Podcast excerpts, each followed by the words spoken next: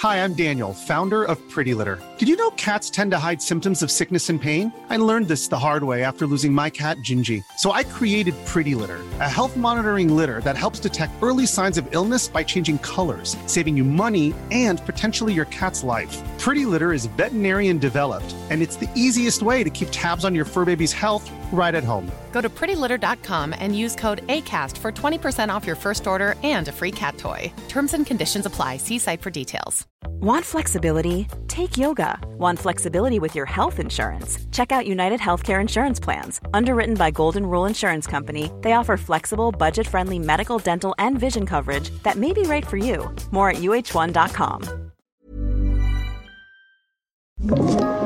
Podplay. Allting började med att Laila Bagge kom i taxi hit utanför Sankt Jakobskyrkan i centrala Stockholm tillsammans med sin brudtörna och son. Och sen rullade det bara på. Kändisarna droppade in, en efter en efter en. Ja, jag är extremt laddad för bröllop. Det ska bli helt magiskt tror jag. Ni, du är väldigt eh, klädd i svart kan Ja. vi konstatera. Är det tema? liten, eh, nej, men vi ska faktiskt göra en liten dansintro. I kyrkan? Ja. Det var Lailas idé. Och eh, det som bruden ville ha, det får hon. Eller hur? Är det inte så? Absolut. Du, är, du har ju som sagt lite problem att gå men du ser väldigt tjusig ut. Mm, tusen tack. Jag är eh, grymt nöjd över att vara klädd i Brothers när det är ett MQ-bröllop. Och är ändå vasst Peter Jihde. Mycket vasst. Han är inte den som är den är orolig för att hamna i klammer med reklamrättvisan. Eh, ja, det där var en liten teaser vad som komma skall i dagens Lille Lördag. Nu kör vi! Woo!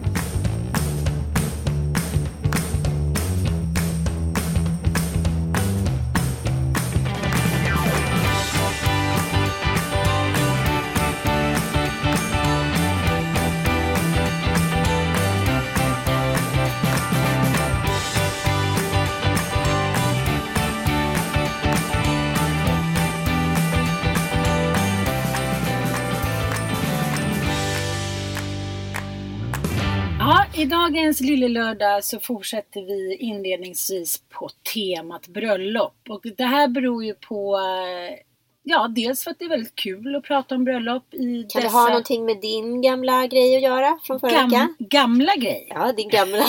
Det det är stä- ständigt aktuella. Du är så här, så här man checkar, du vet man, när Hänt Extra ringer en en gång per år och checkar in och bara vill kolla om det har hänt något nytt.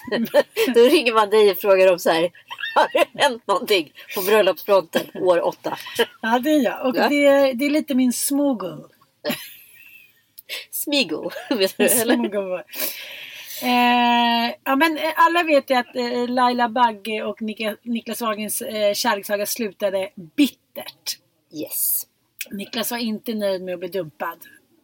Och var det inte han som eh, gick ut i pressen och eh, faktiskt eh, erkände att det var hans gnäll och så här, daddande uppmärksamhetstörst som hade eh, gjort att hon tröttnade. Han klarade liksom inte av en stark självständig tjej. Det är min tolkning av det här. Du då? Eh, eh men jag måste ju säga att jag är ju ändå chockad att eh, han gick med på att erkänna sig eh, som en liten man. Med tanke på att han då hade strukit över tatueringen på Lailas son på armen.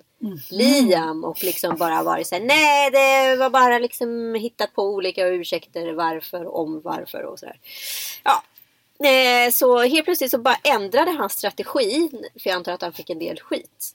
Ja, det är klart han fick. Ja, och då eh, liksom erkände sig som en gnällis. Det måste man ju ändå säga. Det sitter ju långt inne hos en gnällis att erkänna sig som en gnällis. Aula Rapace erkände sig också nu som en gnällis senaste tiden att eh, när Nomi och han skilde sig. Att han hade svårt, han, han tyckte hon, eh, ja, att hennes karriär tog för mycket av deras tid. Men jag då? Det var ju jag som var stjärnan i den här relationen. Och så slutade det med något annat. Ja.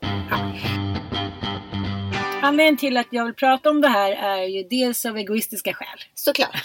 Och dels att jag tycker att det är en rolig tidskapsel att prata om eh, sponsrade bröllop. Vilket var inte särskilt vanligt 2010 i Sverige. Nej, ja, nej, inte i Sverige. Sen, ja, mm, mm, Ja, mm. Tack för råden jag har fått. ja, har du lärt dig någonting om dig själv eller andra? De har varit enhälliga. inte till min favör. Alltså dilemma som är ett ultimatum. Både till de som inte tycker som du och också till potentiell brudgum. Nej, det blev inte mycket förståelse Nej. inför det. Eh, mm, Ändå spännande. Hela Sveriges mest sympatiska lilla Ann Söderlund fick gå på näsan. Nej, den missade man inte. Storvaden. Nej, men, men eh, de, de, de som har skickat då DM och svarat tycker att så här, ja, det är väl inte så mycket att göra om han inte vill ha ett stort bröllop. Då får ni väl gifta er litet då. Ja.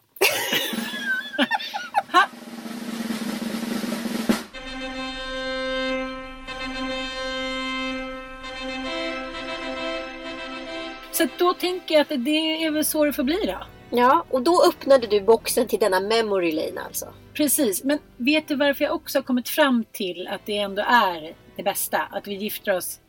Vänta, du har kommit fram. Precis! Okej, ja, fortsätt.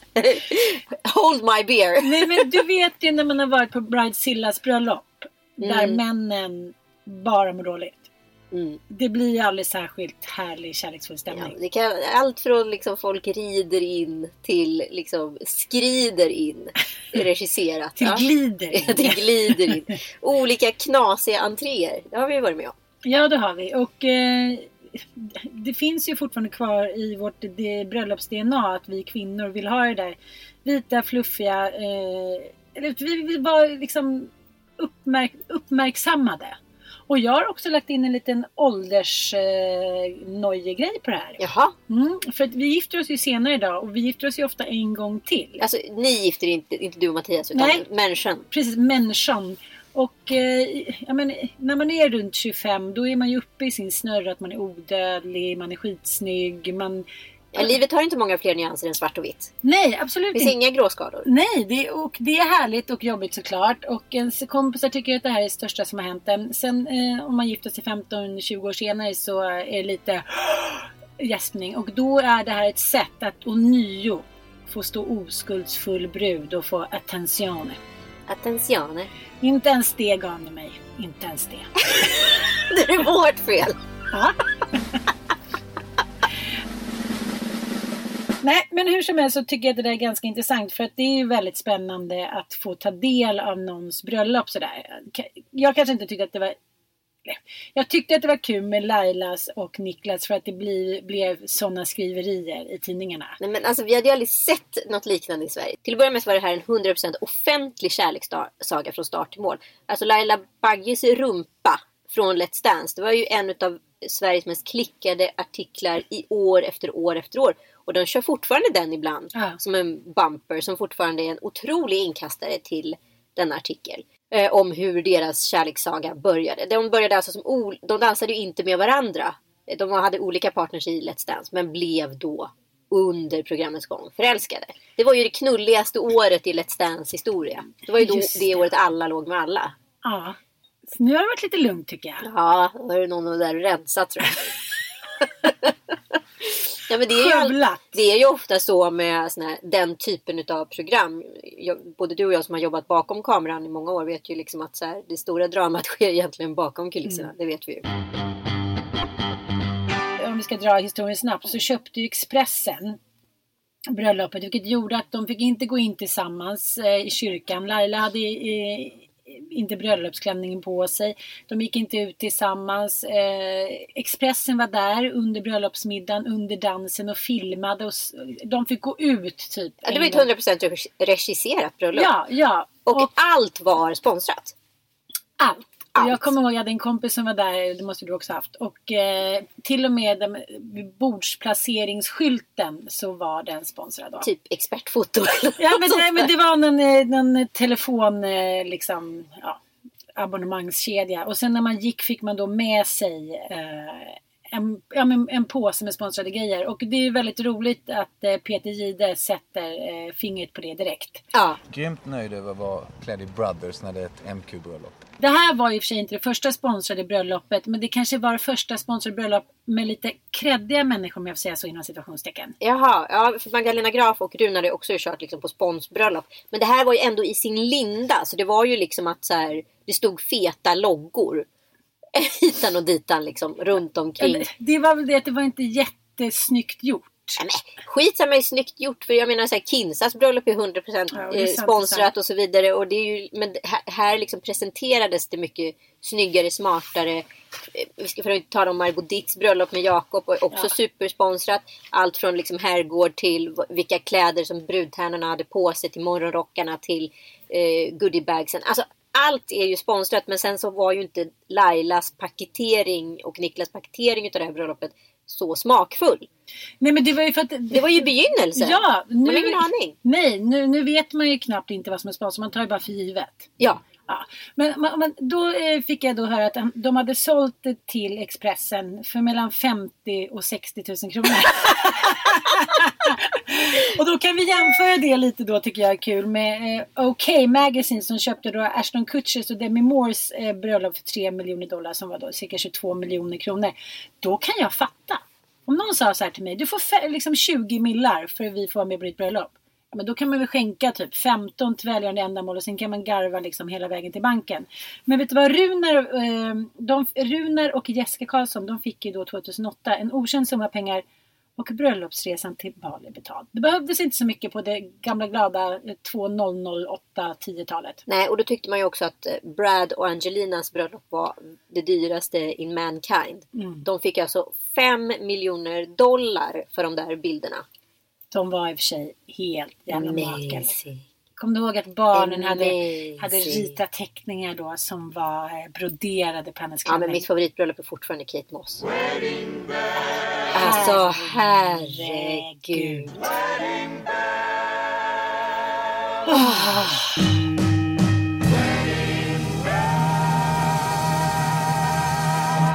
Jag hade eh, faktiskt en, en grej till på hjärtat som går lite i, i det här spåret om man ska säga. Så lite amerikansk musik tack Manko.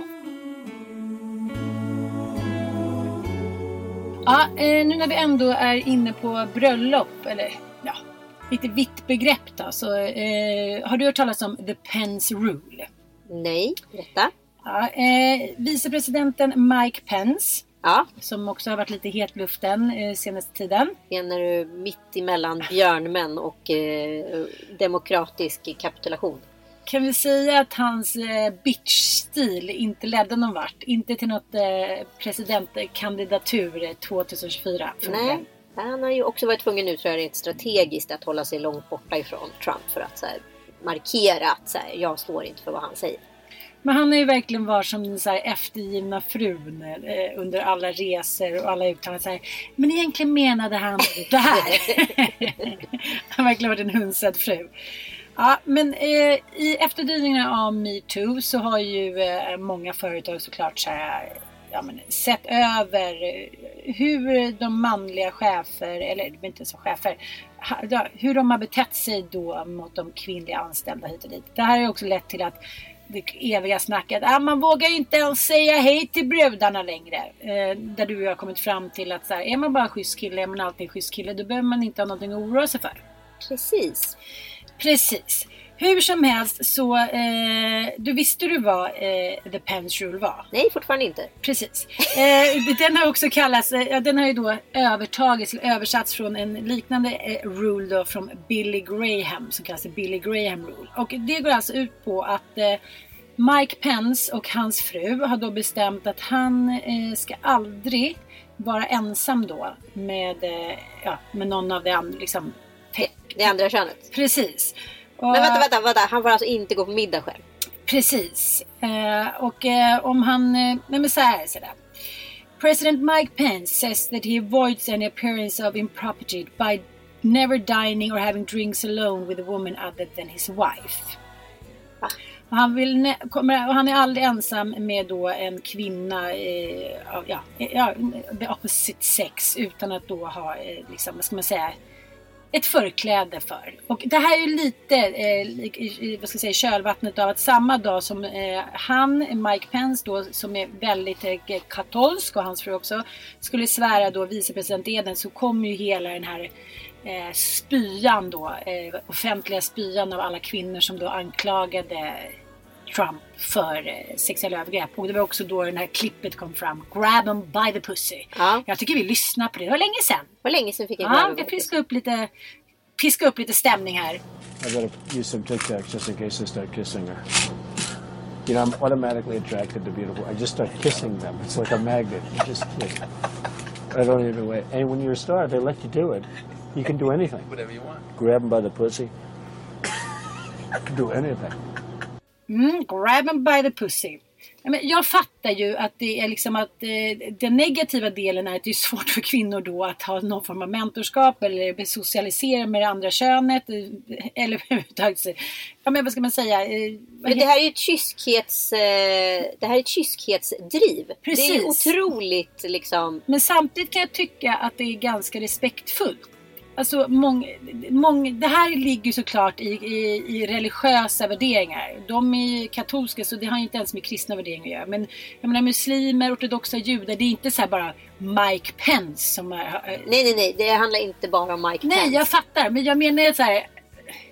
50%, 54% av alla kvinnor i USA tycker att det här är eh, självklart. Ja, och de är män- svinkristna. och också the other way around. Men, men samtidigt kan jag tycka att det finns något lite fint i det. Att han då, vänta, av man kärlek till henne och respekt, så tänker han så här: nej jag utsätter mig inte för det här då. För då riskerar jag allt. Herregud, jag får panik på dig. Nej, jag säger inte att, att, att jag kanske skulle valt att göra så här. Eller att jag har gjort det. Tänk dig att du skulle ha Mattias gående med dig exakt hela tiden. Varje gång du ska på möte med jag har ju det. med en man. och så. Det här handlar ju inte om någonting med henne. Det här är århundradets omskrivning. Det här handlar ju bara om honom. Ett, att han så här inte litar på sig själv i samband med alkohol när han ska interagera med ett annat kön. För att då kanske han vill klämma lite.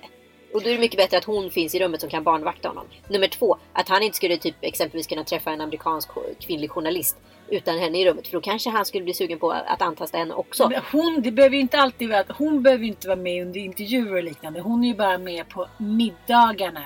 Ja, men Där alltså, vin det är helt sinnessjukt för det handlar ju inte om kön här. Det handlar om alkohol. Och det handlar om, om extremt omskrivet kvinnoförtryck. Det här är så, alltså det är så sjukt för att allt som är progressivt i samhället, som driver samhället framåt, det står och hålls tillbaka i två jävla hängslen utav liksom religion och liksom tradition. Alltså vi kommer ingenstans. För att det liksom i, i, i tågvagnen bakom sitter liksom hela religionspaketet. Och liksom håller tillbaka oss. Jo, jag fattar. Det här är så jävla sinnessjukt. Jag är så provocerad utav det här. Nej, men om, om, du, om, men om du ställer dig en bit ifrån och inte ser religiösa utan bara så här av respekt. Alltså, vi har kämpat liksom i typ, fan de har ju kämpat liksom hårt för att nå dit de ska. Och hon har kanske stått lite bakom hitan och ditan. Ja, men- sen, det finns ju en film där som är ihopklippt där han står och kladdar lite hitan och ditan både på så här tonårstjejer och att, att han har en tendens att han ska stå lite nära. Jaha, han kanske har vikingafingrar. Han kanske har väldigt långa spetälska Nej men kommer du inte ihåg det vad han, eh, Ja, just- jävla fackpampen. Hon sa att han hade vikingasjukan. Det var därför han kladdade på folk. Det är kanske det Mike Pence har. Det tror jag också. Ja. Men, Men, men hon barnvaktar ju honom. Det går inte att säga på något annat sätt. Sen kan du omskriva det till religion och eh, vördnad och respekt och allt vad fan det heter. Men det är ju bara ett jävla förkläde. Det här är ju helt sinnessjukt. Jo, jag fattar. Men, men man kan heller inte jämföra Sverige och USA. Nej men det är klart man inte kan för vi har inte deras kristna värderingar eller religiösa insikter. Jag tycker att det är ganska smart. Men det, det, Ja, du, menar alltså att så här, du skulle inte kunna få gå på en fest utan Mattias? Så det finns andra män i men älskling, lokalen? att jag och Mattias går och så här, drar en panna vin hemma hos dig och Johan kanske inte liksom kommer äventyra hela Nej, men vårt det är klart inte, framtida liv att två- skrivas in i historieböckerna. Det är två parmöten. Men jag menar så här, om Mattias går på ett mingel skulle inte du kunna lämna honom där? Nej.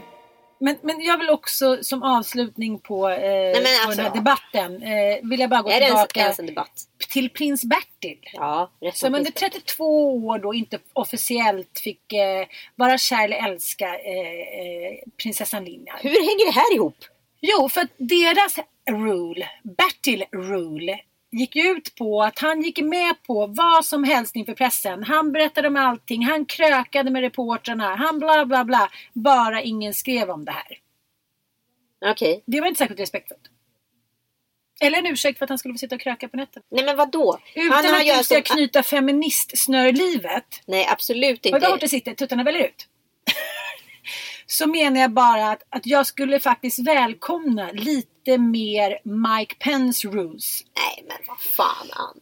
Nu håller jag fram på... Nej, men inte, behöver inte vara så, eh, de behöver inte vara så drastiska. Men jag tycker att många män skulle må jävligt bra av en och annan Mike Pence rule. Mm. Men lyssna nu här till exempel. Eh, jag, jag tror att det här är en uppgörelse också lite med mig själv. Att jag alltid har varit den förstående kossan som så här, suttit där hemma och ingen fara, kom hem du när du festar hela natten. Jag sitter här med din nyfödde och sen när du kommer hem då är det klart att du ska få lite sex också med den där andedräkten så fick man spy nästan. Men ingen fara, så har det varit i alla tider, karlsloken min.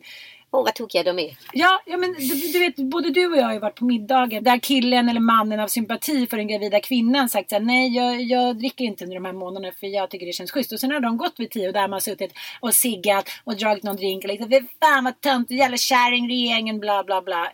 Det är inte heller systerligt syster. Jag har varit avundsjuk tror jag. Jag är avundsjuk. Ja, nej men alltså jag tycker att problemet med vår generation Ann, vi som är liksom plus 40, födda 70-talister. Vi står ju liksom direkt i ett paradigmskifte mellan Ja. två generationer. Vi har ju hela tiden haft män och alkohol att stötsa mot. Alltså liksom hela mitt, min uppväxt har ju handlat om mitt förhållande till alkohol. Om man ska ta en glas, om man är med i gänget, om man inte är med i gänget, om man är en tönt, om man är cool. Hur cool man är, hur gränslös man är, hur knäpp man är. Det har inte kunnat gå att stå emot även om man har försökt i stort sett. Precis. Eh, och sen kom liksom nästa generation som var så här, har inte alkohol, man, män eller makt att studsa mot. Mm. Och han bara så här, nej men vi har valt att inte dricka. Vi dricker överhuvudtaget inte, vi har skitkul ändå, vi knarkar ibland. Fa- fuck it, det är nice för oss men vi behöver inte så mycket mer. Vi yogar och liksom dricker gröna juicer och mår bra. Ja, och det här är en sån eh, generationskrock för mig hemma i min familj nu. Ja. Med mina söner. Och jag tycker så här. Jag hör mig själv. Dels kan jag inte helt avfärda att jag tycker att de är lite så här.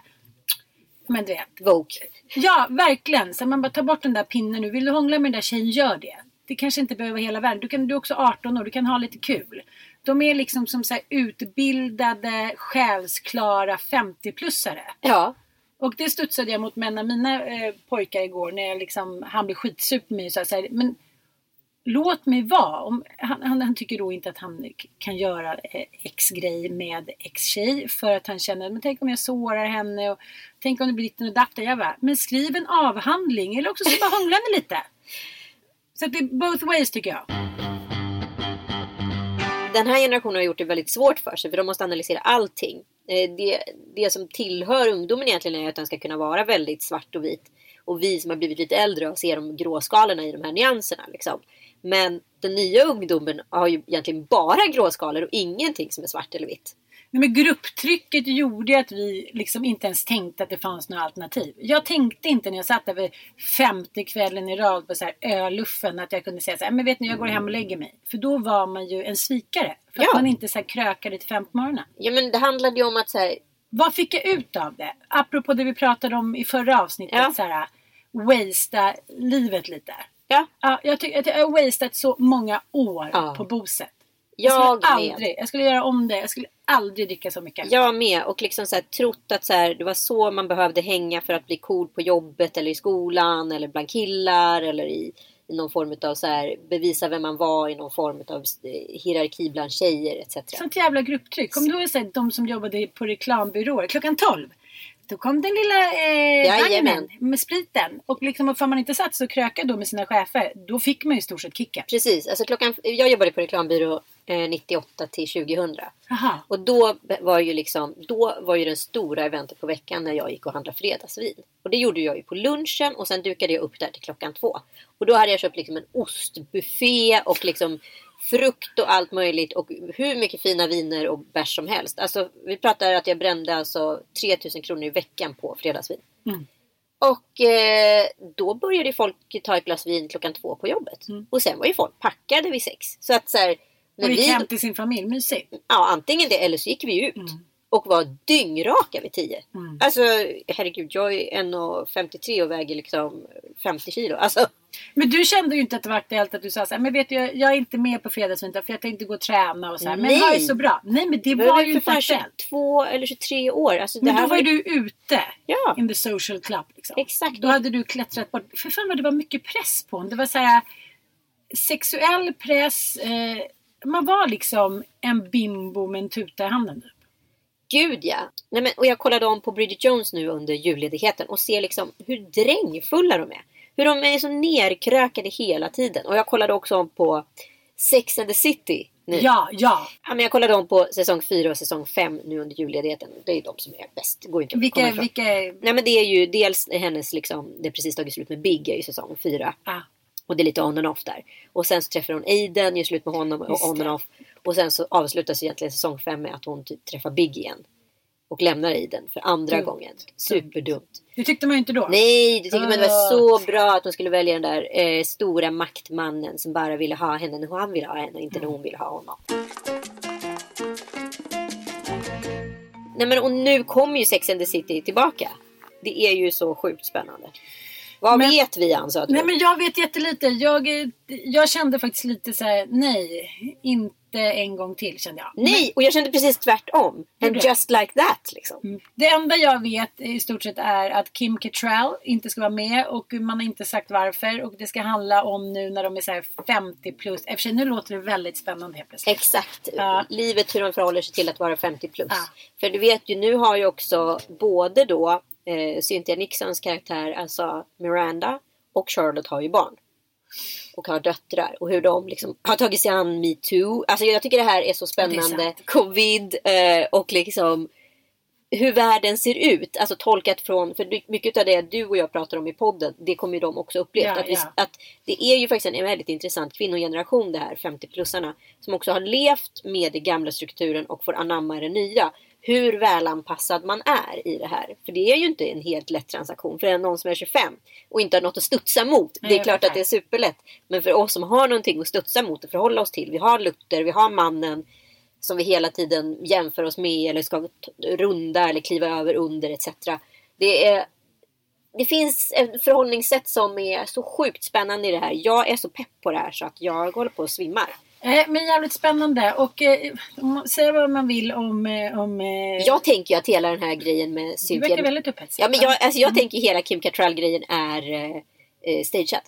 För att hon ska göra en entré i typ avsnitt 6. Aha. Ja. Men började inte hon och Sarah Jessica, Jessica De Parker börjar bråka? bråka. Ja, men det är för flera år sedan. Så Ja. tänker jag så här. Vad gör Kim Cattrall idag? Inte supermycket. Hon gör lite någon- seriösa grejer. Ja, hon liksom. gör någon roll då och då. Hon Ja. kanske inte vill göra mer. Hon är trots allt 64 år. Mm. Eh, men jag tänker att så här, hon kommer dyka upp i typ säsong, eller avsnitt 6. Mhm. Bara kliva in sådär. Så man typ sådär skriker. Och sen kommer de använda en eh, brunhyad kvinna för att vara mer inkluderande. Alltså som på något sätt eh, finns med i den här gruppen på något sätt. Ja, mycket kan man ju anklaga 90-talsscener för, men inte för att vara inkluderande. Det kan man verkligen inte göra. Apropå eh, inkluderande så eh, hetsringde du mig häromdagen mitt under läggning och sen när jag inte svarade så skrev du svara skata. Och eh, om du och jag någonsin skulle hamna i tredje världskriget och du, skulle, jag skulle sitta undercover i en liten underjordisk håla då skulle jag veta att om du skickade skata då är det viktigt. Det är vårt kodord för akut. Det är bra skata. Svara skata. Det är också poddens namn. Nej, men sen visade det sig att du hade väldigt spännande uppgifter om din bakgrund. Berätta lite. Ja, jag eh, är ju som sagt adopterad från Indien. Jag ska försöka dra det här så kort som möjligt. Eh, jag född 1978 och hittades på en gata utanför ett sjukhus i eh, staden Kottayam. Eh, jag, minns, jag hamnade aldrig på barnhem utan det var nämligen så att sjukhuset eh, tog hand om mig. De anställde en amma som blev min surrogatmamma i två år, och ett halvt års tid. Jag vet, du har sagt det förut och jag har bara låtit fl- fladdra förbi eh, med örnens vingar. Men, men det låter bara lite så här, var du någon eh, kunglighet eller?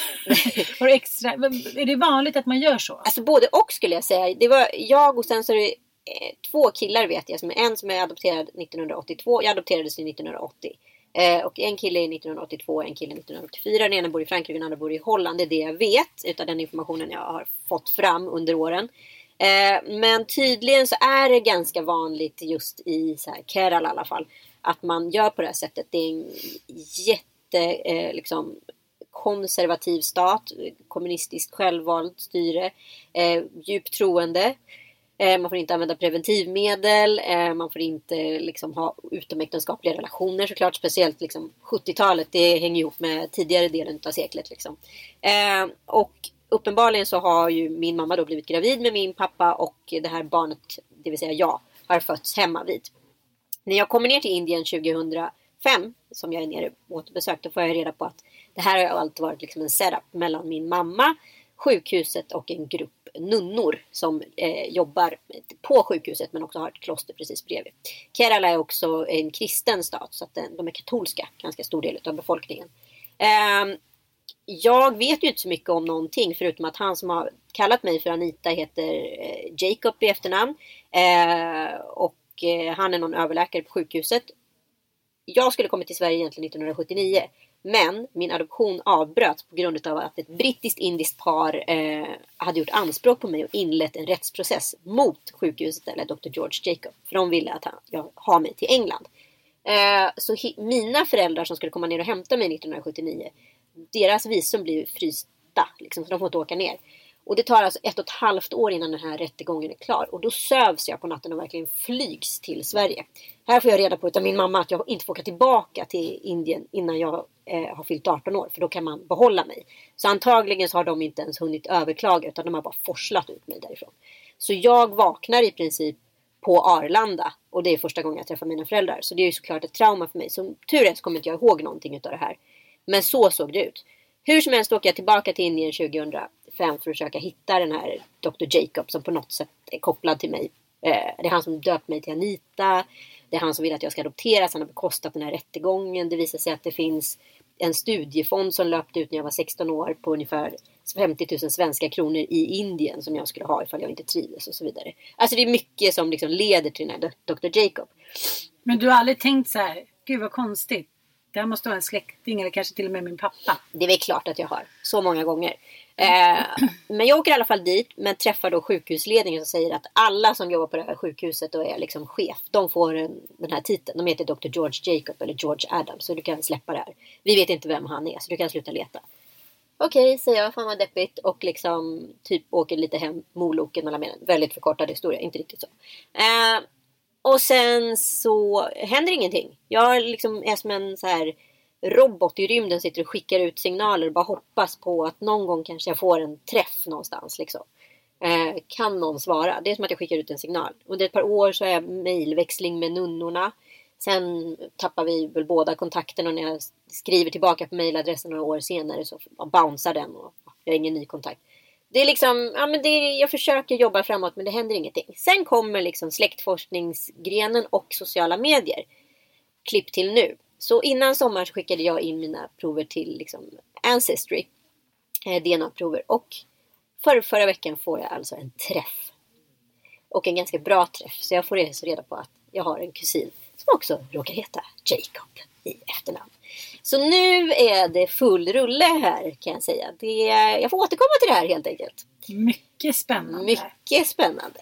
På jakt efter den tid som flytt. Ja, men för mig blir det ju viktigt för att så här, min mamma har demens, min pappa har dött. Det finns inga släktingar i livet. Det är, pappa hade ingen kontakt eh, under 20 år med sin bror och liksom hela den delen av familjen är liksom borta. Så att eh, det är liksom bara jag kvar. Mm, jag fattar. Eh, och mina barn är ju otroligt stolta indier. Så om mm. det inte är viktigt för mig så kommer det vara viktigt för dem i alla fall. Men det är såklart viktigt. Men jag tänker att det är lite samma närhetsprincip. Men att man själv skulle bara kunna vet, gå till ett arkiv eller ringa till en, gå till en gammal kyrkologga och ta reda på väldigt mycket om sitt eget liv. Men, men eftersom man känner att man man har sina rötter här så blir det inte lika exklusivt. Så jag förstår verkligen att det känns fantastiskt. Ja men det är ju helt otroligt. Alltså bara att liksom folk från hela världen börjar höra av sig till mig och jag till dem och nu ska det sättas upp en videokonferens och ja men du fattar. to be continued. Mm, det låter som ett spännande tv-program. Absolut. Anita, det är en grej som jäckade mig sen jag kollade på The Crown, säsong 5. Jag förstod liksom inte hur jävla bra det var när jag såg det, men nu har jag insett att det är liksom... Det, det, det, jag tycker att hela historien börjar liksom wobbla när jag tänker på det. Jag börjar också så här lite förlåta Charles. Gud ja. Mm. Nej, men det Hon var ju superjobbig. Kan Ja, vi bara men- konstatera det? Ja, men- Får man säga det, det mest förbjudna?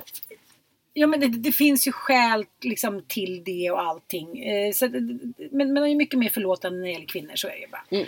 Men det finns ett ögonblick när han fyller år och hon helt plötsligt att hon ska gå på toa och sen står i någon eh, slidrig 90-talsballerinaklänning och dansar på operan. Mm. Jag menar inte att hon, jag menar hon dansar väl habilt men, Nej, men det är lite som att du skulle gå Nej, ner. men det är Inte som som att att jag- jag skulle gå ner.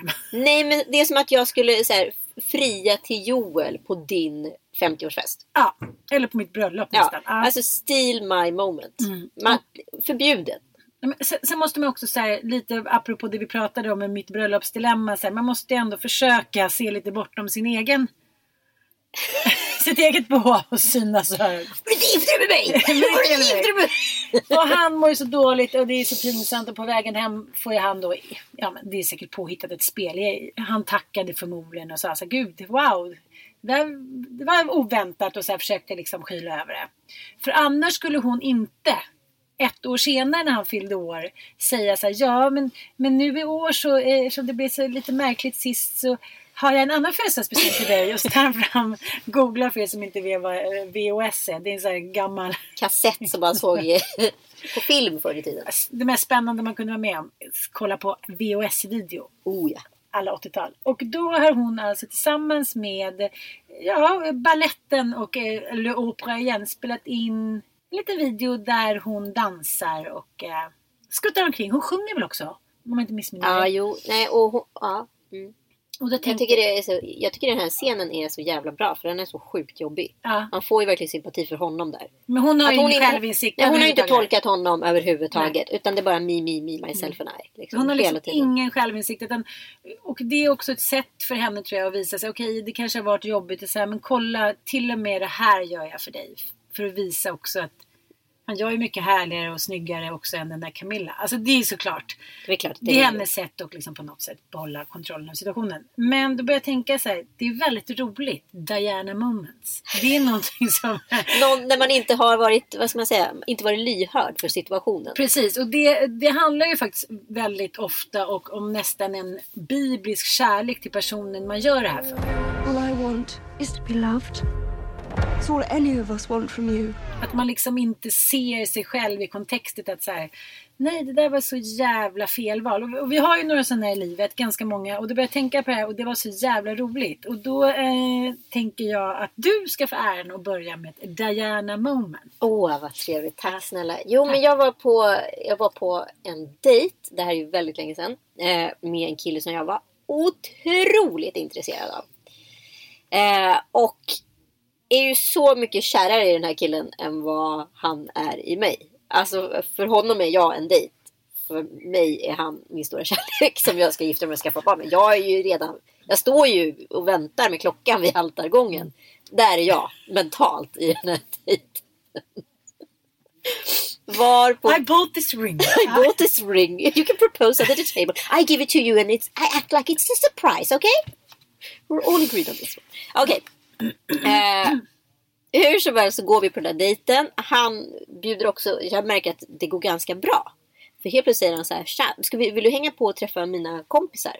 Som är liksom ett parvänner till honom. Så vi går till då gamla Lydmar som är mitt emot restaurang Brillo idag. Och sitter på deras uteservering. Och eh, när han går på toa så frågar då hans tjejkompisar. Tror du han tycker om mig? Nej! Nej, vadå? Om henne själv? Nej, jag frågar då hans bästa tjejkompis. Jaha, jag trodde hon frågade. Ja, bara. såhär, tror du han tycker om mig? Tror du det går bra? Och hon blir så ställd. För hon har ju så här, wow, så här, I'm protecting my friend. Alltså förstår du den Ja. känslan? Och hon bara, ja men det går nog, det går nog ganska bra. Och på vägen hem, då ska vi slå sällskap till Söder, så går vi hem.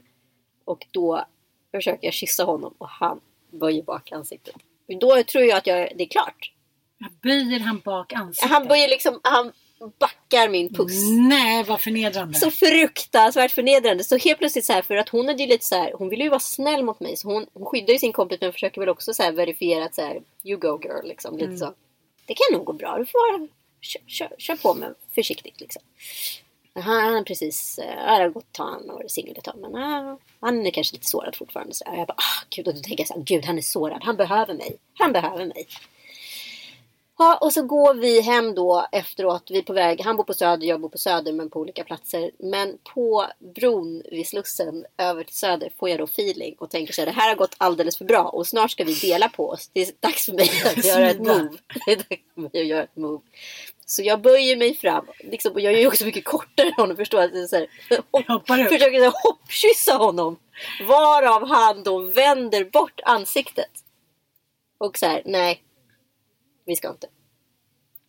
Och så fortsätter vi då gå Kunde han inte bara kysst det lite och så gott? jävla taskigt. Det kan man Det här är också en indirekt en kollega. Alltså han jobbar på en reklambyrå rakt över gatan så vi har ganska mycket att göra med varandra.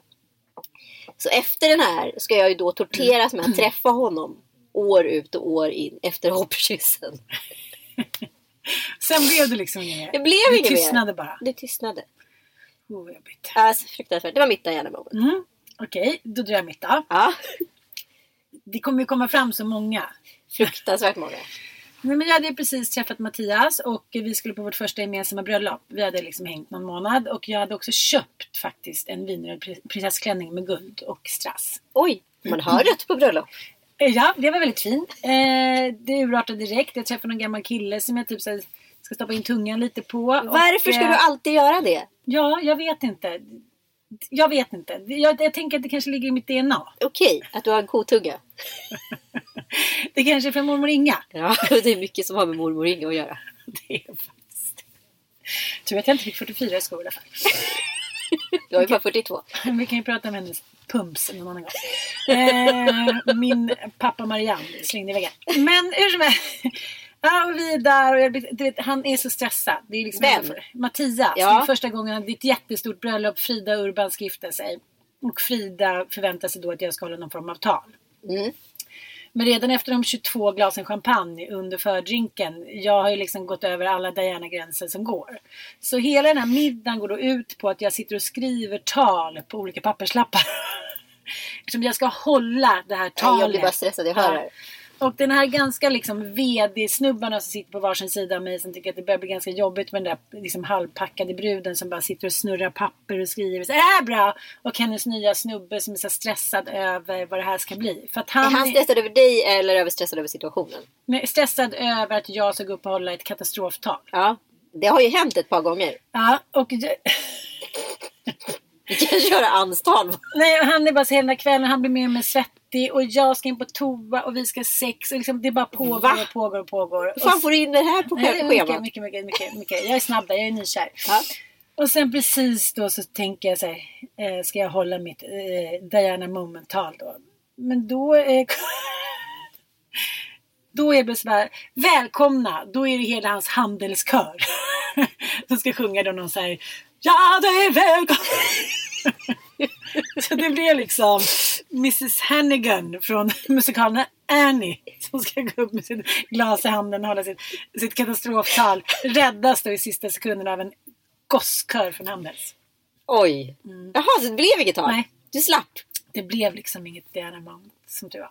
Men skulle du hålla ett spontantal? För? Nej, det skrev på lappar. Det. Ja, men du hade bokat upp att du skulle hålla tal? Ja! Ja, ja, du var ju Mm. och, adresserad Frida, hos... och Frida var ju också sen, ska du inte hålla tal och sådär. Men eh, ja. Ah, det vara jobbigt.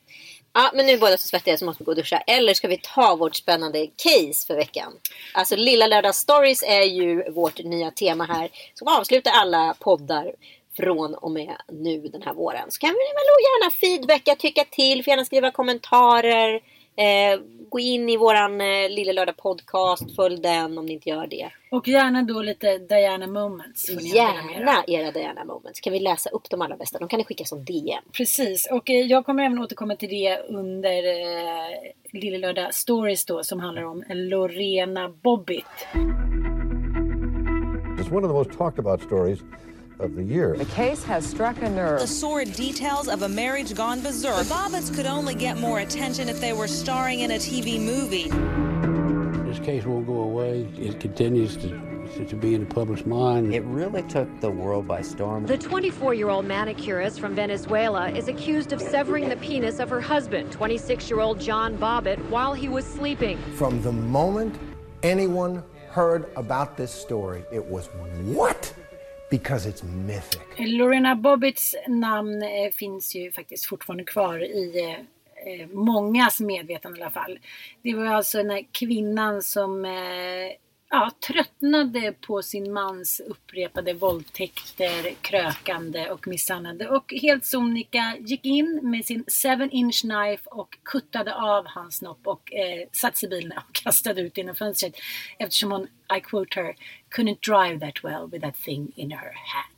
Välkomna till Lille Lördag Stories. Lorena's act was a fundamental attack on a man's manhood. It caught everyone's attention. First thing everyone wanted to know was why. What drove her to it? Idag ska vi prata om, eh, ja, man kan ju säga att det, det har kommit, runnit nytt vatten under bron. I fallet Lorena Bobbitt och John Wayne Bobbitt. Ja, precis. Det var roligt. Jag pratade med Joel i morse och jag var så här, men du vet Lorena som skar man, eh, snoppen av sin man. Mm. Han hade ingen aning om den här historien. Nej. Så han började ju googla direkt och hur spännande det här var. Eh, det här var ju ändå en av de stora historierna på crime-historierna på 90-talet. Och eh, här pratar vi återigen om det här paradigmskiftet som vi pratade om tidigare. Hur vi värderades som kvinnor och var fokus låg. Mm. Eh, det här är ett av de många mediabrott där kvinnor porträtteras i dålig dager under tiden männen höjs till skyarna. Precis och eh, en liten passus bara. Eh, 1993 när det här som faktiskt har blivit ett av världens mest kända fall.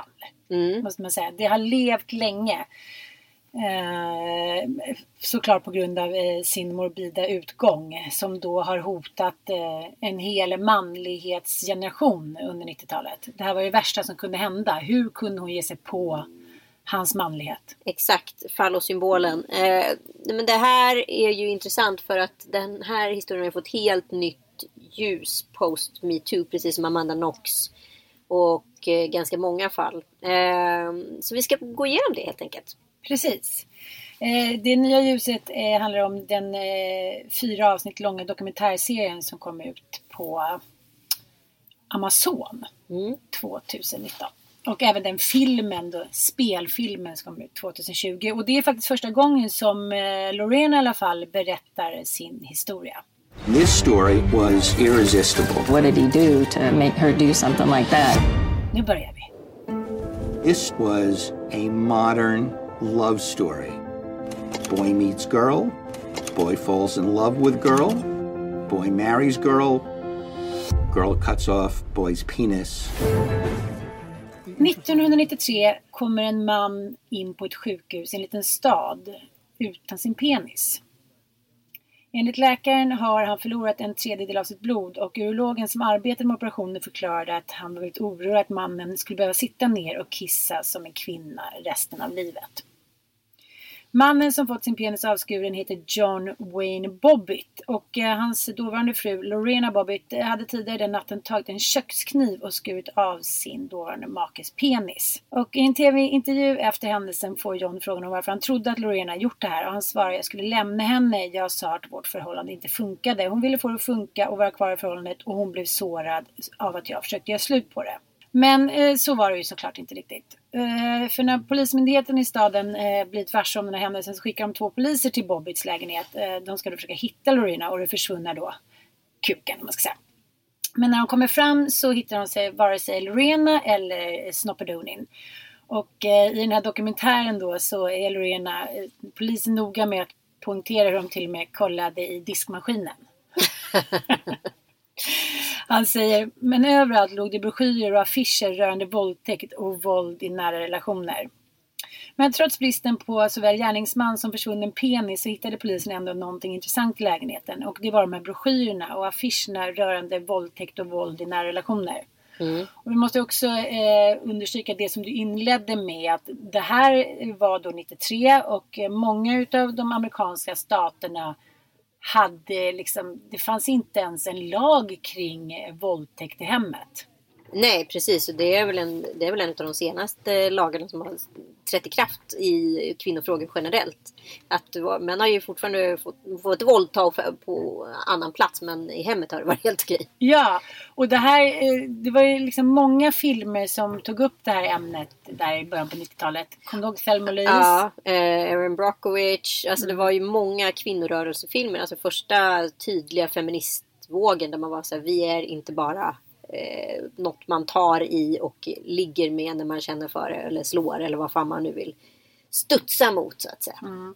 Men, men det var också det man, i alla fall i den här amerikanska eh, dokumentären så säger då Loreen att det, I mean, he had a bad day eller han har druckit för mycket och sådär. Det fanns alltid någon förklaring och det handlade liksom aldrig om kvinnan. Nej, alltså man vill ju hela tiden skydda mannen. Det var ju orsak och verkan som gjorde mannen till ond, för mannen var alltid god.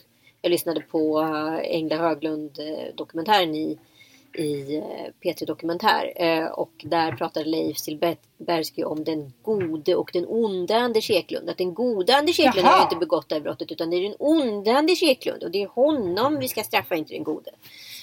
Och det här sa ju han då i rättegången som eh, ja, skedde i, under 2008. Men eh, det kanske allra eh, viktigaste som hände 1993 det var ju ändå Susan Faludis bok Backlash.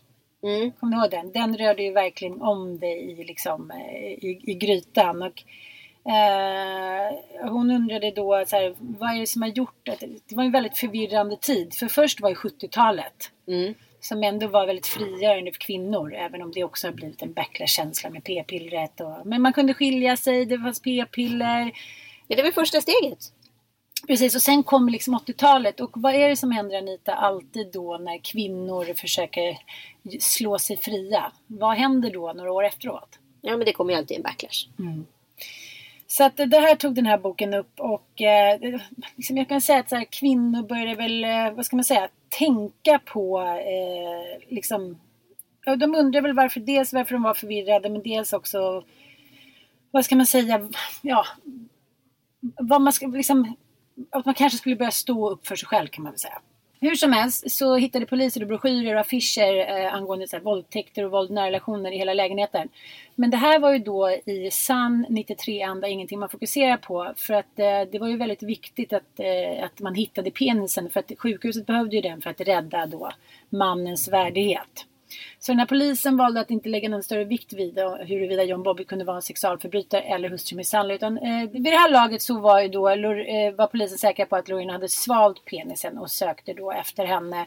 Men eh, hon gick själv till polisstationen och eh, lämnade över sig själv. Och nu hade hon samlat mod för att så här, anmäla John för de här sexuella övergreppen han hade utsatt henne för under en längre tid. Vi kan väl lyssna lite på vad hon säger. In the course of your marriage, did you become pregnant by John? Yes, I did. I was very excited because, um, I mean, I wanted to have a child. What did he say? Do you remember? He said that I, I would not be able to, to raise a child. Did you have the abortion for him? Yes, You felt you would lose him without it. I don't want to have a child without a father. Did you say no to his sexual advances? Did he physically and sexually abuse you? It was frequently. It was um, every time he will hit me, he will just try to force me into the sex again. Did you equate this with rape as you knew the word? Yes, in many occasions I said, I think you're raping me. This is not what you're supposed to do to me. Men, men såklart så var ju polisen inte så intresserade av det här sexuella övergreppet utan de var intresserade av att hitta snoppen. Och eh, så här var det att hon berättade för polisen att hon, eh, ja, hon- vet inte varför hon gjorde det här. Hon hade bara fått nog. Och eh, jag måste tänka lite på om, om man ska prata om makt då ur liksom psykologipunkt så är det så här, ja det var ju den här snoppen som hade förstört så mycket i hennes liv liksom. De här våldtäkterna. Så att jag, det är ju ganska symboliskt att man skär av den. Ja, det är ju så här eh, en vild tanke som alla kvinnor har när man är riktigt arg. Ja. ja. Nej. Nej, men den har ju blivit liksom ett fundament för någonting. Det är nästan känns som det skulle kunna vara en scen från Medea. Förstår Mm. du? Men, men eh, ja, det, är verkligen en, en grekisk mytologiscen. Men eh, hon, Lorena säger att hon minns ju ingenting när det har skett. Så hon eh, sätter sig i sin bil. Men jag, men jag förstår att man vill kanske dra. Ja, alltså jag tror att så här, begår du en, ett sånt eh, ilskbrott, då, då, stick, då drar man. Mm. Flykten. Men, men jag tycker också, det som händer är att hon eh, tycker att hon har för mycket i händerna så att hon... Det är jobbigt att köra bil. Ja, nej, men hon tycker att hon har för mycket i händerna så att hon kastar ut den genom fönstret. Precis, och den landar i ett dike. Precis. Och, eh, Nära, nära vad heter det, nagelsalongen där hon jobbar. Precis. Och eh, det här har de då lokaliserat poliserna och eh, de hittar den där lilla stumpen, eh, springer över till 7-Eleven butiken på gatan över och hämtar en eh, sån här liten eh, plastlåda med is i. Ja, var det inte egentligen en sån här, eh, du vet, pappkartong som man för take away mat? Precis, precis. Så de la lite is i botten och sen så la de ner penisen där och åkte Ja. till sjukan. Precis. Och, eh, Räddades så räddas kan. Ja, och det gick tydligen ganska bra. De eh, åker då ilfärd med denna klenod och åker tillbaka till sjukhuset och eh, under en typ nio timmars lång operation så lyckas man då eh, sätta tillbaka den här manicken och eh, i porrfilmerna som han senare deltar i så ser man att det har funkat. Ja, han får alltså tre porrfilmskontrakt varav en heter John Bobbitt Uncut. Precis. Fyndigt nog. Väldigt fyndigt. Men... Och han besöker också talkshow-hostar som då varit väldigt hyllade under 90-talet och 00-talet eh, som är då Howard Stern. En profil som också haft olika former av sexporrshower på olika eh, porrdistributionskanaler. Eh, där han säger så här, det är klart du inte har våldtagit henne. Hon är ju alldeles för ful. Så att då var det avskrivet helt klart. Precis, men eh, om man ska titta tillbaka lite på, på hur det kunde bli så här så eh, handlar det ju väldigt mycket om den amerikanska drömmen tycker jag. Mm. Lorena är ju uppväxt i Ecuador med sin pappa. De var ju ändå medelklass. Pappan var tandtekniker och mamma var lärare. Men eh, hon är ju uppvuxen under så här strängt katolsk liksom, ja, reglemang. Så hon får inte dejta någon och hon får inte lära sig något annat språk och hit och dit. Så att eh, under en semesterresa då i eh, Washington DC när eh, alla körsbärsträden blommar och ja men du vet, det är bara så här härligt om man är 16 år och tänker så här. Då tänker man så här, det här är, hit ska jag, det här, this is the American dream. Så några år senare flyttar ju hon till familjens vänner då i eh, Manassas och börjar då eh, sin utbildning till nagelskulptris. Och hon flyttar alltså dit, hon kan inte ett ord engelska, hon har inte en spänn på fickan. Nej. Nej. Och, en så ser det ut för många immigranter i USA. Ja, och det finns ju såklart då en rädsla över att inte få vara kvar och få ta en del av den här amerikanska drömmen som för henne då blev en mardröm. Mm. Och en kväll träffar hon då eh, John Wayne Bobbitt på ja, Den lokala bar. puben. Precis, och han krökar ju på i vanlig ordning och glömmer plånboken och hit och dit. Och, eh, han har beskrivit sen att han tyckte att hon hade söt accent. Men eh, när man ser honom i de nya intervjuerna då för BBC så har han det där du vet, kvinnoföraktet i ögonen. Han säger så här, men jag kan ju knappast förstå vad hon sa. Hon kunde inte prata engelska liksom. Mm. Direkt få till en, en liten tryck där. Så eh, ja, de börjar dejta i flera månader och de går liksom, ja, de han har, hon har med sig de här syrrorna då i familjen hon bor hos som förkläden. Så att, eh, och till slut så handlar det om att hon kanske måste, eh, hon får inte green card så de gifter sig. Och apropå Diana Moment så är de och badar i en pool och eh, han hittar då en ring, en guldring på liksom poolets botten. Det, han har ju liksom ingen betänklighet att, att det kanske är någon annans utan då friar han till henne. Och sen börjar det. För att han, Charmigt. ja, han är ju liksom en douchebag. Han vill inte jobba, han krökar. Ja, han är för detta marinsoldat. Ganska grov, liksom. Alkoholiserad. Också säkerligen traumatiserad utav upplevelser han har varit med om. Jo, men han är ju uppvuxen med sin eh, knarkande mamma och sin pappa då som våldtar mamman och misshandlar henne. Så att eh, han och hans två bröder hamnar ju, hamnar ju hos eh, Denise. Mm. Och växer upp då med fyra låtsassyskon om man ska säga. Men väldigt kärleksfullt, religiöst. Det är egentligen inget fel på uppväxten. Men det är ju liksom... Har man blivit skadad från så ung ålder så kanske det är svårt. Jo men det är också så här, förlåt, men 90-talets små, eller vadå 90-talets trumpisterna, eh, mentalitet på så här, det kom ju också under rättegången så här, eller när hon återberättar när hon till exempel blev misshandlad i bilen så Ja, men det är inte så att hon, han inte blir påhejad av sina storebrorsor. Nej. Ja, men man ska liksom hålla käften, sära på benen och ta emot både det ena och det andra i alla fall. Det som är så intressant som vi pratade om är att han utmålades då som eh, offer för sin tid. Då. Ja, han har ju blivit av med sin manslem. Det är ju det största brottet i mänsklighetens historia. Precis. och eh, han blev då eh, beskriven som en före detta marinsoldat och så här, the good looking guy. Och det berättade Lorena också att hon tyckte att han var väldigt snygg och han var liksom, vad ska man säga, han porträtterade ju, förmänskligade, liksom, förkroppsligade bilden av hur hennes amerikanska drömliv skulle bli med den här mannen. Men det blev ju eh, en mardröm.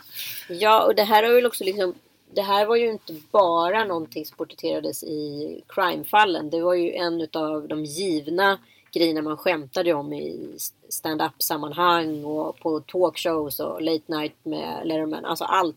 Det har ju pågått som en cut it off eller like Lorena did. Eller, alltså man har ju refererat till det här på olika sätt. Eller John Bobbitt. Eller, ja, man har refererat till det här ur, ur både kulturellt och crime-sammanhang. Precis. Och det som jag tycker är så fascinerande nu när man lyssnar på de här gamla eh, men, stupparna eller ja men eh, Whoopi Goldberg till exempel har ju en stupp om där. She should get some time off. She should. Because she told them where the dick was. See, I would not have told them. That's right, uh-uh. Find it, motherfucker. You know, find it. Uh-huh. You so attached to it, see if you can sniff it out.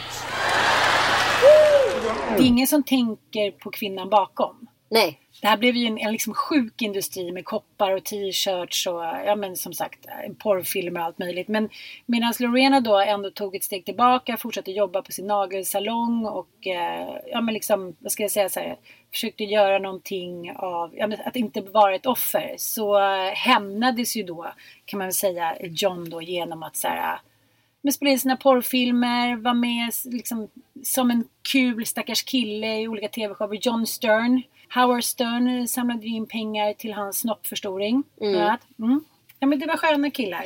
Ja men det är Sköna Killars klubb och eh, Lorina blev ju faktiskt dömd eh, för det här men blev också friad. Mm. För att om man jämför då med Johns hur samhället såg på honom så var ju han ett offer då. Bara, han hade gjort alla rätt. Han hade tagit hand om den här kvinnan. Han hade bland annat tvingat henne att göra en abort. Eh, vilket också påverkade henne väldigt mycket såklart. Men Lorena, liksom, hon blev ju dömd då som en svartsjuk kvinna som gick över gränsen på grund av att hennes make då ville lämna henne. Ja men hon blev också dömd bara för att det var en till temporär sinnesförvirring. Precis. Så att eh, under rättegångsdagarna så faktiskt bara var fem dagar. Där han då också framstod som en ganska skön kille. Han kanske hade fem good days. Mm. Då märker man också på henne hur otroligt jobbigt hon tycker att prata om det här och också att som hon har sagt efteråt så många gånger, ingen bryr sig om varför hon gjorde det. Det blev bara ett jävla spektakel. Att han hade så här analt våldtagit henne så många gånger så att hon liksom var tvungen att uppsöka sjukvård. Det var ingenting man pratade om. Liksom. Mm. Utan allt handlade bara om hans eh, mans dom. Men, men det handlar också om så att, att kvinnor har ju alltid i media framstött som hysterikor, galna och svartsjuka. Men det är ju hur vi väljer att porträttera dem. Jag tror att det är väldigt få kvinnor som beter sig så här. Jag har ju en kompis vars mamma som eh, faktiskt stoppade kniven i sin man efter eh, den 2000 otrohetsaffären och eh, alltså det finns någonting som skapar det här att man inte heller har några juridiska möjligheter att stå upp för sig själv. Mm. Vilket också hela det här som du säger, Erin Brockovich och liknande. Eh, Så John Bobbitt blev inte dömd då, trots att det fanns väldigt många vittnen som berättade hur Lorena då ofta hade blåmärken på armar och nacke och hade blivit våldtagen och sådär. Och det är just 1993 som marital rape, äktenskaplig våldtäkt, då blir olagligt i alla 50 delstater i USA. Men det var ju i princip omöjligt att visa den här våldtäkten inom äktenskapet och eh, som sagt John Bobbitt blev inte dömd. Nej, men sen så, ja, jag måste säga, det finns ju någonting med karma ändå som är intressant i just det här fallet också. För att hon gick ju tillbaka och levde sitt ganska försiktiga liv, jobbade på nagelsalongen, undvek medias ljus i mesta möjliga mån, bytte efternamn. John gjorde liksom 100% i mediekarriär och triumferade vidare. Men redan 1994, det vill säga ett år efter det här, så eh, blev han anklagad för att ha slagit då eh, Christina Elliot, en 21-årig, eh, ja vad ska man säga, strippa. Uh, och, och, för några, några år efter så blev han bo, eh, dömd för misshandel på eh, några andra kvinnliga partners. Eh, varav en var en eh, grov våldtäkt. Precis, så att eh, Lorena blev frikänd och eh, fick ja, tillbringa några veckor på rättspsyk. Precis. Men Lorena bestämde sig för att inte se sig själv som ett offer utan ville då ha tillbaka sitt jobb som nagelskulptris och det gjorde hon. Och, eh, hon återkommer till varför då samhället sällan fokuserar på varför hon gjorde som hon gjorde och att man liksom missar den rapporteringen i media. Och det var ju lite det som hände, men inte hände nog också Fox, men att man så här, man ser man ser kvinnan, bilden av den ondskefulla svartsjuka galna kvinnan så att man man glömmer evidensen, alltså att se vad som finns bakom. Det är väldigt tydligt och de har ju också gjort eh, några poddar tillsammans och mm. eh, har blivit nära vänner. Jag tycker det var väldigt spännande för att jag vi har ju gjort en, ni kan gå in och lyssna på den, vi har gjort en, eh, ett crime-avsnitt. Ja, vi har gjort ett par Lille Lördag Crime om Foxy Noxy, det vill säga Amanda Fox som anklagades för mord på sin italienska pojkvän i Italien och faktiskt satt i fängelse i över fem år innan det bevisades att hon var oskyldig. I think that people expect people like us to crawl under a rock of our shame and and die. And we're we are showing that not only are we the characters that you thought we were, but we, we have every human, right. Yeah, yeah and we're right. human beings. Yeah. Just like you, just like you, you know, people sitting and right now watching television. So we are human beings. We're women, and you know, we can support each other. Så den här juninatten eh, där Lorena skar av sin mans penis eh, förändrade ju hennes liv för alltid. Och eh, jag måste ändå säga att även om då under de hårdbevakade rättegångarna, eh, även om hon liksom vad ska man säga, hon slapp fängelse eftersom hon ansågs ha lidit till eh, av en tillfällig psykisk störning. Och eh, jag vet att vi ska lyssna lite på ur en scen från förhören med henne och de är verkligen hjärtskärande. It was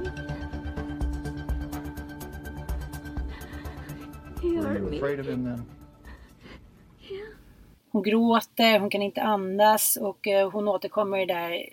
Det var som ingen brydde sig om varför jag gjorde det jag gjorde. Och eh, vad ska man säga, Lorena Bobbitt har ju fortsatt egentligen trots att hon har skaffat ny man, eh, och barn och jobbar för eh, kvinnors rättigheter och verkligen så har hon ju ändå förblivit ett skämt på något sätt. Ja, men jag hoppas verkligen att hon får sin upprättelse. Jag känner också att hon börjar få det. Eh, och jag, det, det, är ju såna här grejer som man blir lycklig av utav metoo efteråt.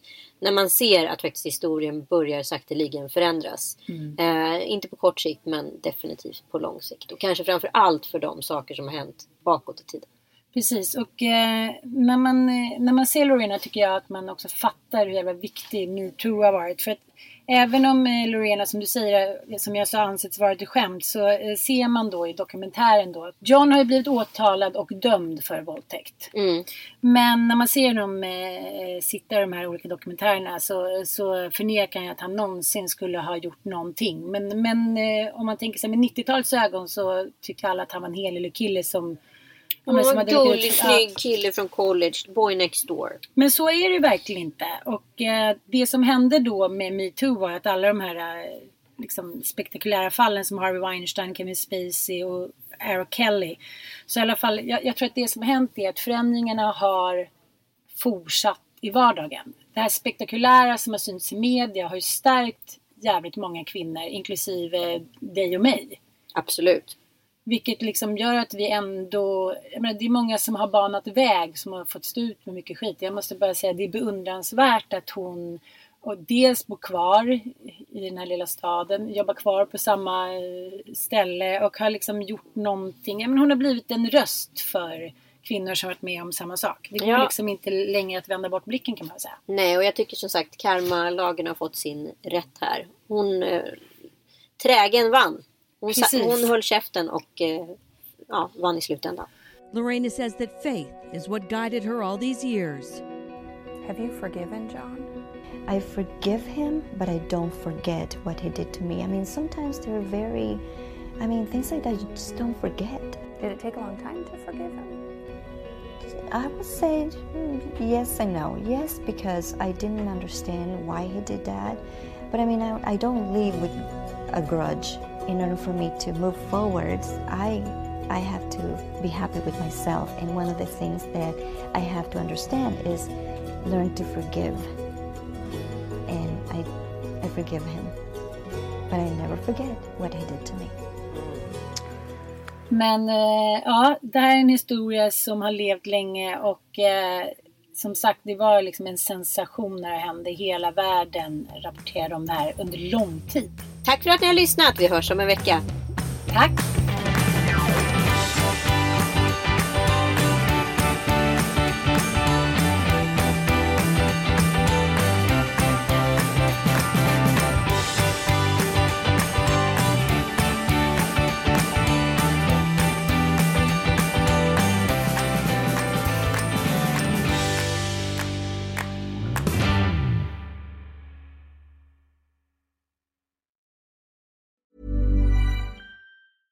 A lot can happen in the next three years. Like a chatbot may be your new best friend. But what won't change? Needing health insurance. United Healthcare Tri Term Medical Plans are available for these changing times. Underwritten by Golden Rule Insurance Company, they offer budget friendly, flexible coverage for people who are in between jobs or missed open enrollment. The plans last nearly three years in some states, with access to a nationwide network of doctors and hospitals. So, for whatever tomorrow brings, United Healthcare Tri Term Medical Plans may be for you. Learn more at uh1.com. Mom deserves the best, and there's no better place to shop for Mother's Day than Whole Foods Market. They're your destination for unbeatable savings, from premium gifts to show-stopping flowers and irresistible desserts. Start by saving 33% with Prime on all body care and candles. Then get a 15-stem bunch of tulips for just $9.99 each with Prime. Round out Mom's menu with festive rosé, irresistible berry chantilly cake, and more special treats. Come celebrate Mother's Day at Whole Foods Market.